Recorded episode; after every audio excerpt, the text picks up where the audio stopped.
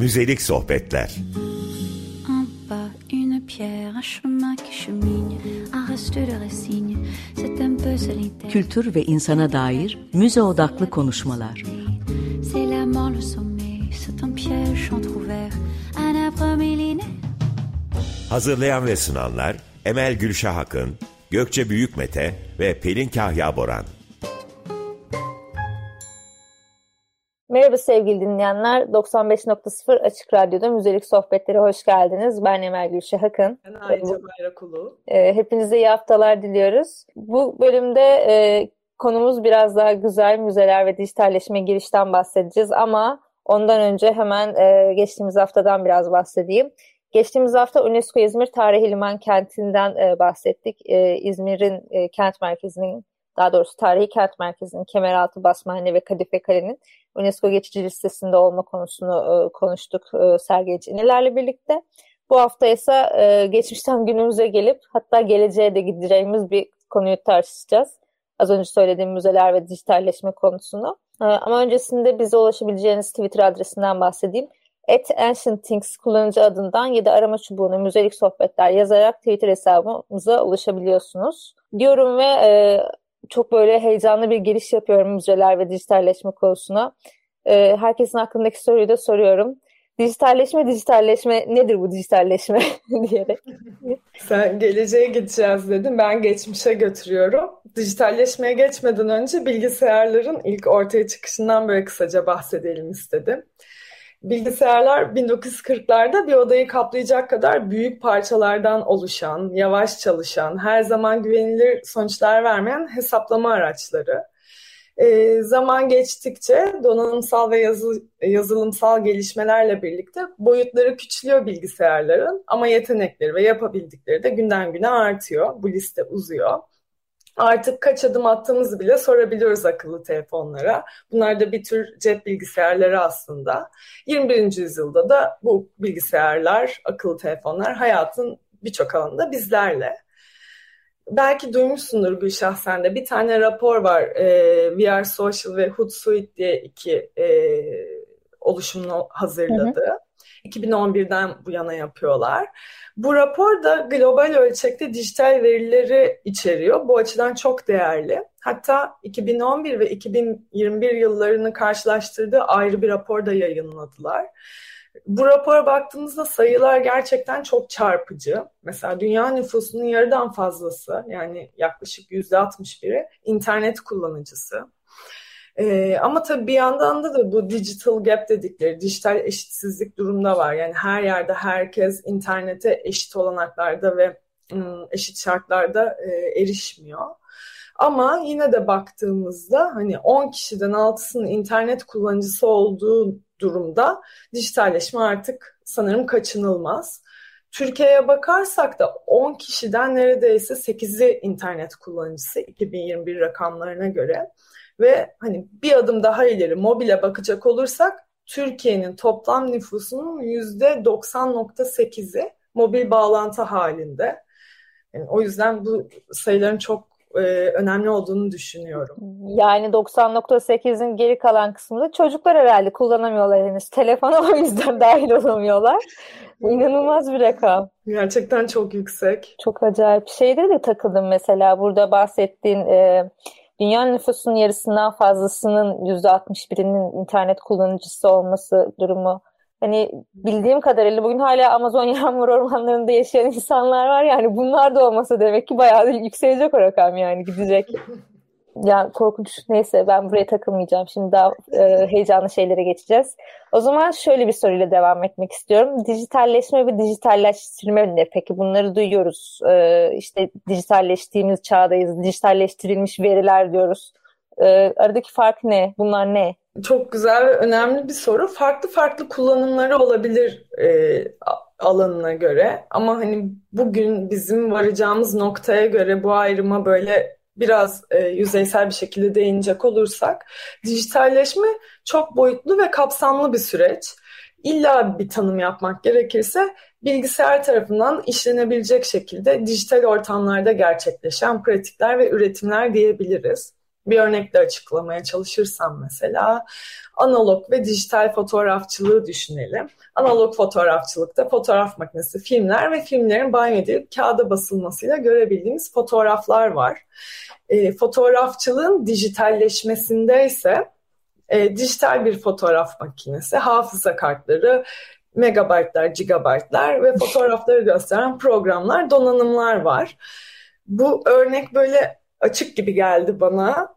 Yok kesinlikle. Anlaşılır bir örnek. Kesinlikle anlaşılır. Yani burada en önemli şey fotoğrafların artık doğrudan dijital olarak üretilmesi. Yani fotoğrafçılıkta bir dijitalleşmeden bahsedebiliyoruz. E, dijitalleştirme ise bu bağlamda fiziksel olarak var olan bir şeyi dijital ortamlara aktarmak ve çeşitli işte formatlarda da yapabiliriz bunu. Yani dijital olarak erişilebilir hale getirmek. Mesela müzelerden bir örnek vereyim. Yavaş yavaş da konumuza gelelim. İstanbul Arkeoloji Müzelerinin koleksiyonunda kayıtlı İskender Lahdi'ni düşünürsek bu koleksiyonda kayıtlı arkeolojik bir eser. Üç boyutlu e, müzeye gittiğimizde sergi salonlarında görebildiğimiz bir eser. Ama bu eserin dijital versiyonlarını da üretmek mümkün. Nasıl diyeyim işte fotoğrafını çekerek mümkün olabilir. E, bir fotoğraf galerisi oluşturabiliriz farklı açılardan çekip ya da üç boyutlu olarak dijital olarak modelleyebiliriz ya da üç boyutlu fotoğraflamasını da yapabiliriz. Ee, birçok böyle yöntem var dijitalleştirmenin aslında bu nesne özelinde konuşacak olursak. Bir de böyle nesne olmadan dijital olarak ortaya çıkan eserler de var müzelerden yine ilerlersek e-tangibles denilen. Bana şeyi anımsattı bir de bu e, İskender Lahti örneğini verdik ya ve onun işte kendisinin var olması sonra onun bir e, fotoğraf haline gelmesi mesela dijitale dönüştürülmesi. Bu e, görme biçimleri John Berger'da o da bu konuya çok güzel açıklıyor.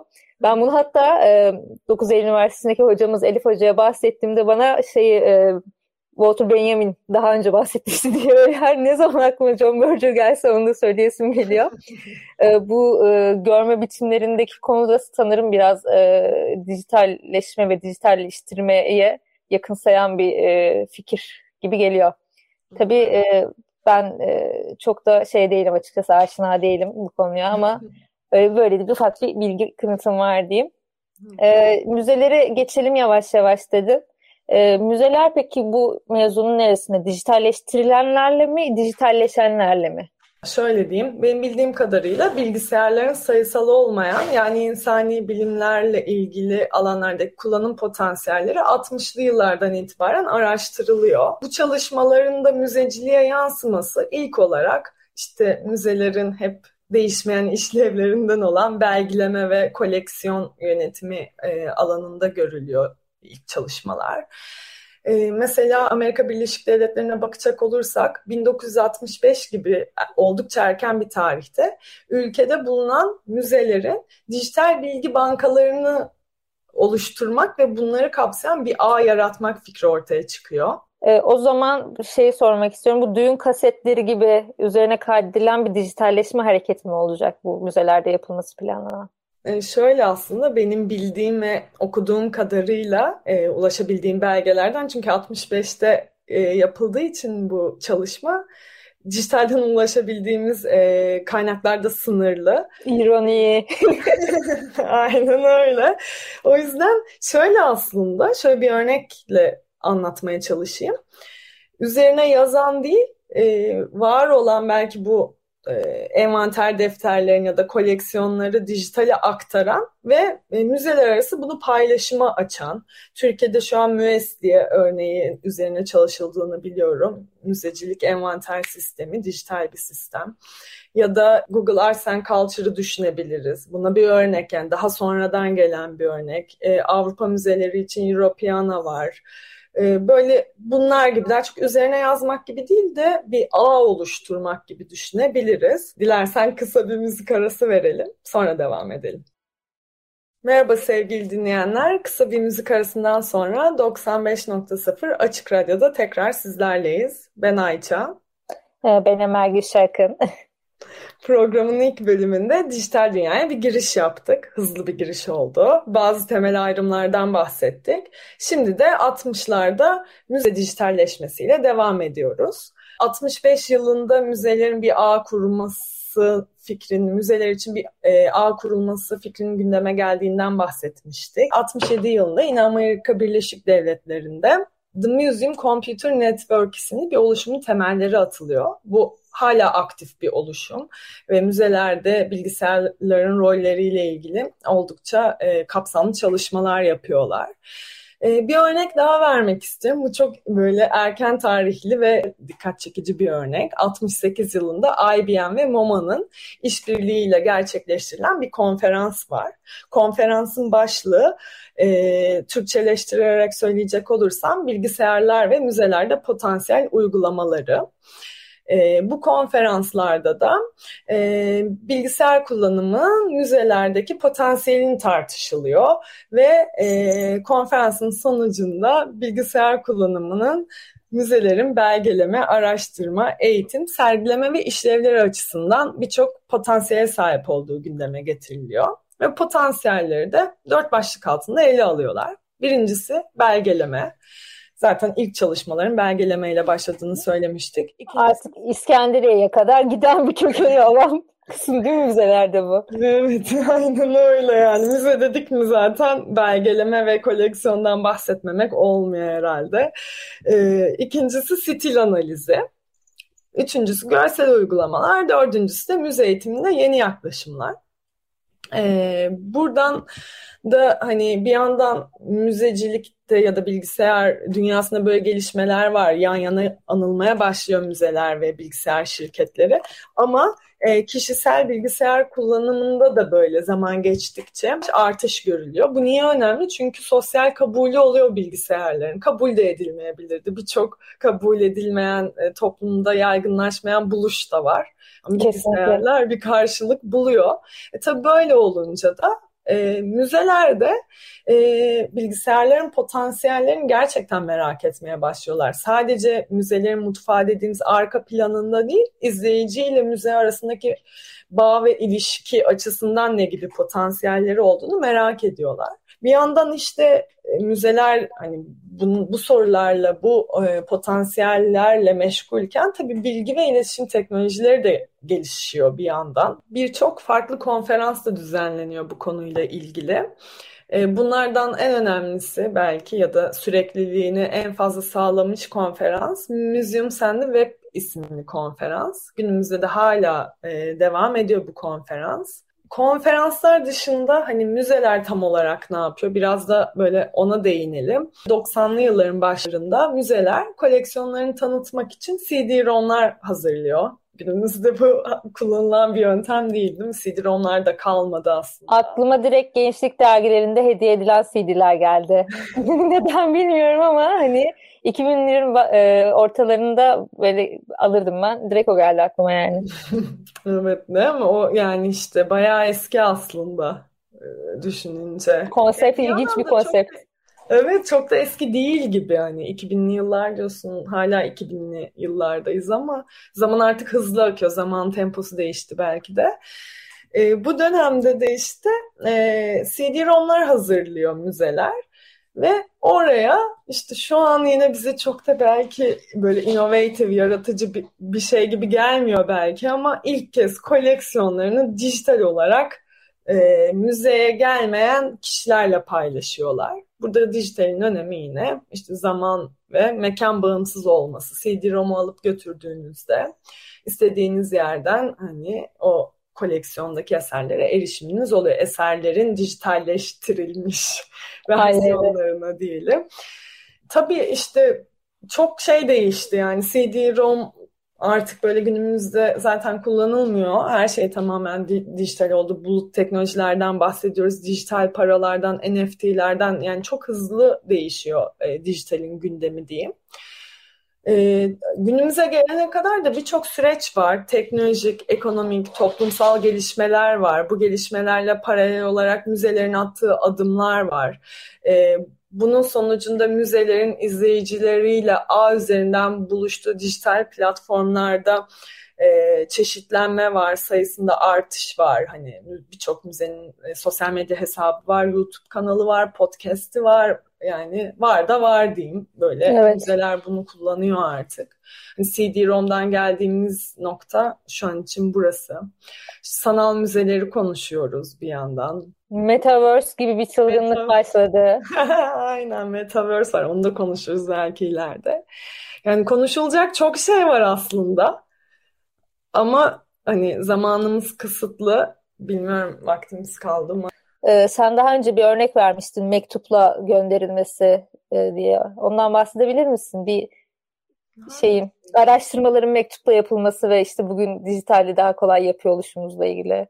Ha, evet şey yani öyle bir zamandan bahsediyoruz ki ben de şey gibi oldum peraya şapkasız çıkılmazdı gibi sürekli ama yani e, işte biraz daha böyle faksla e, işlerin yürüdüğü yani e-postaların olmadığı bir dönemde e, müzecilikle ilgili araştırmalar yapılıyor. Kenneth Hudson önde gelen, dünyanın önde gelen müze bilimcilerinden biri.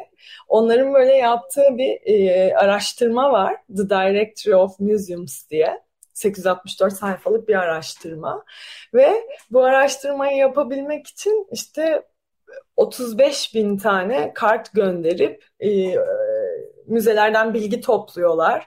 Bunları tasnif ediyorlar. Hepsi manuel, hepsi analog. Yani elle yapılıyor. Gerçekten böyle onunla ilgili hani bir yayınları da var.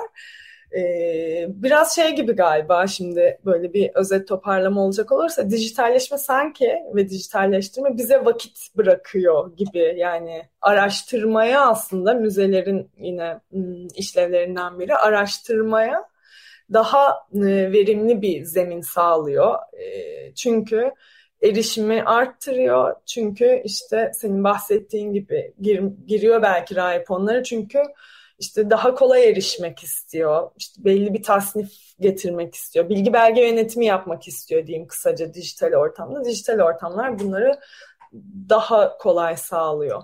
Bana şeyi de anımsattı bu bahsettiğin e, örnek, daha doğrusu örnekten sonraki yorumlarından bir tanesi diyeyim. E, hani hep diyoruz ya koruma e, ve sergileme müzenin temel unsurları diye.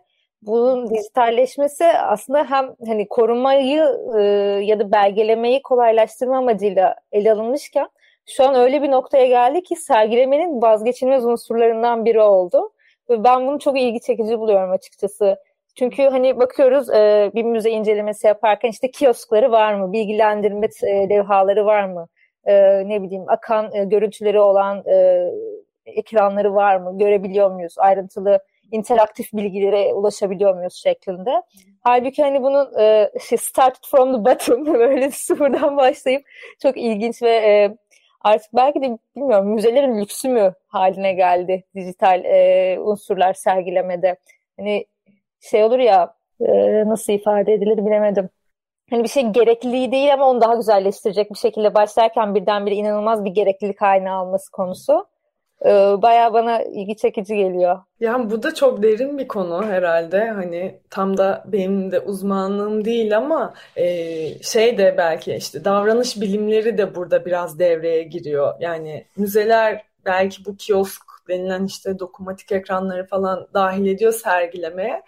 Çünkü e, izleyici dijitalleri kullanmaya çok alışkın. Artık yani o zengin tecrübeyi istiyor tırnak içinde zengin diyeyim. Öyle Hı-hı. bir deneyim istiyor. Öyle bir şey bekliyor. Çünkü kalan her şeyi Google'dan erişebiliyor artık yani. O yüzden müze sergilerinin duvarlara yapıştırılmış kitap sayfalarından daha fazla bir şey vaat etmesi gerekiyor. Burada da şuna dönüyoruz. Dijital gap mevzusuna. Benim hani direkt öyle o bağlantıyı kurdum kafada. Google'dan ulaşabildiğin şeyler zaten var. Ulaşamayanları belki de müzenin o noktada bir şey vermesi lazım. Hani ekonomik e, anlamda o araştırmayı yapamayacaklar. Çünkü hani toplumun her kesimine ulaşım müze diyoruz ya demokratiktir e, herkese eşit e, davranır vesaire. O dijital gap'ten dolayı faydalanamayanlara o kendi bünyesinde barındırdığı belki de dijital araçlarla da o tecrübeyi yaşatacaktır. Hani kütüphanelerle zaten çok benzetiştiriyoruz. E, yurt dışında da bu çok hani bazı araştırmalarda gördüm. Siyahilerin müzelerden faydalanma süreçlerine ilişkin falan kütüphanelerle birlikte bir ilerleme olduğu görülüyor. E, bu hani senin dediğinde digital gap dışında Google'dan bile bulunabilen şeylerin artık daha bir ayrıcalıklı bilgi haline gelmesi de o aradaki farkı yaratıyor belki de. Evet, yani Bourdieu da söyler bu kültürel tüketim işte ya da o müze deneyimi diyeyim yani ona alışkın olmak bu pratiği bir şekilde daha önceden öğrenmiş olmak gerekiyor bir yerde. E, müze okur yazarlığı diye de bir kavram var.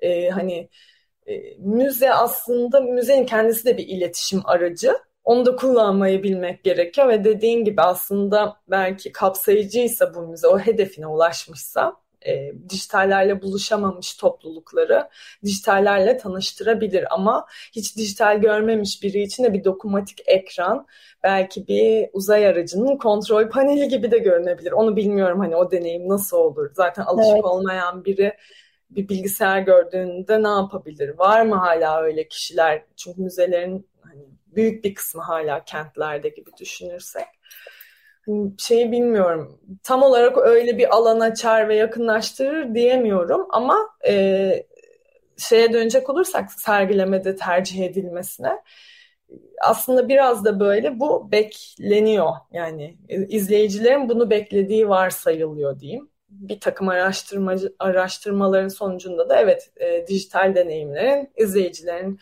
ilgisini çekmekte başarılı olduğu ya da işte kullanışlı olduğu ortaya konulmuş.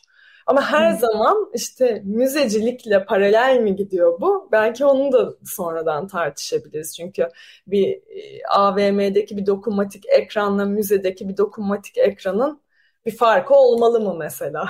Evet. İçerik bakımından ya da deneyim bakımından.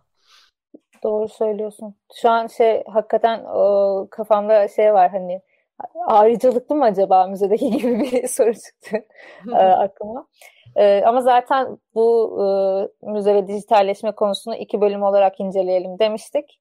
E, sonraki bölümde e, belki de buna ve daha fazlasına e, tam olarak sanal müzenin ne olduğu konusuna da gireriz diye düşünüyorum. E, çok teşekkür ederim Ayça e, anlattığın konu için. Sevgili dinleyenler, hoşçakalın. Müzelik sohbetler. une pierre, un chemin qui chemine, un reste de racine, c'est un peu solitaire. Kültür ve insana dair müze odaklı konuşmalar. C'est la mort, le millénaire. Hazırlayan ve sunanlar Emel Gülşah Akın, Gökçe Büyükmete ve Pelin Kahya Boran.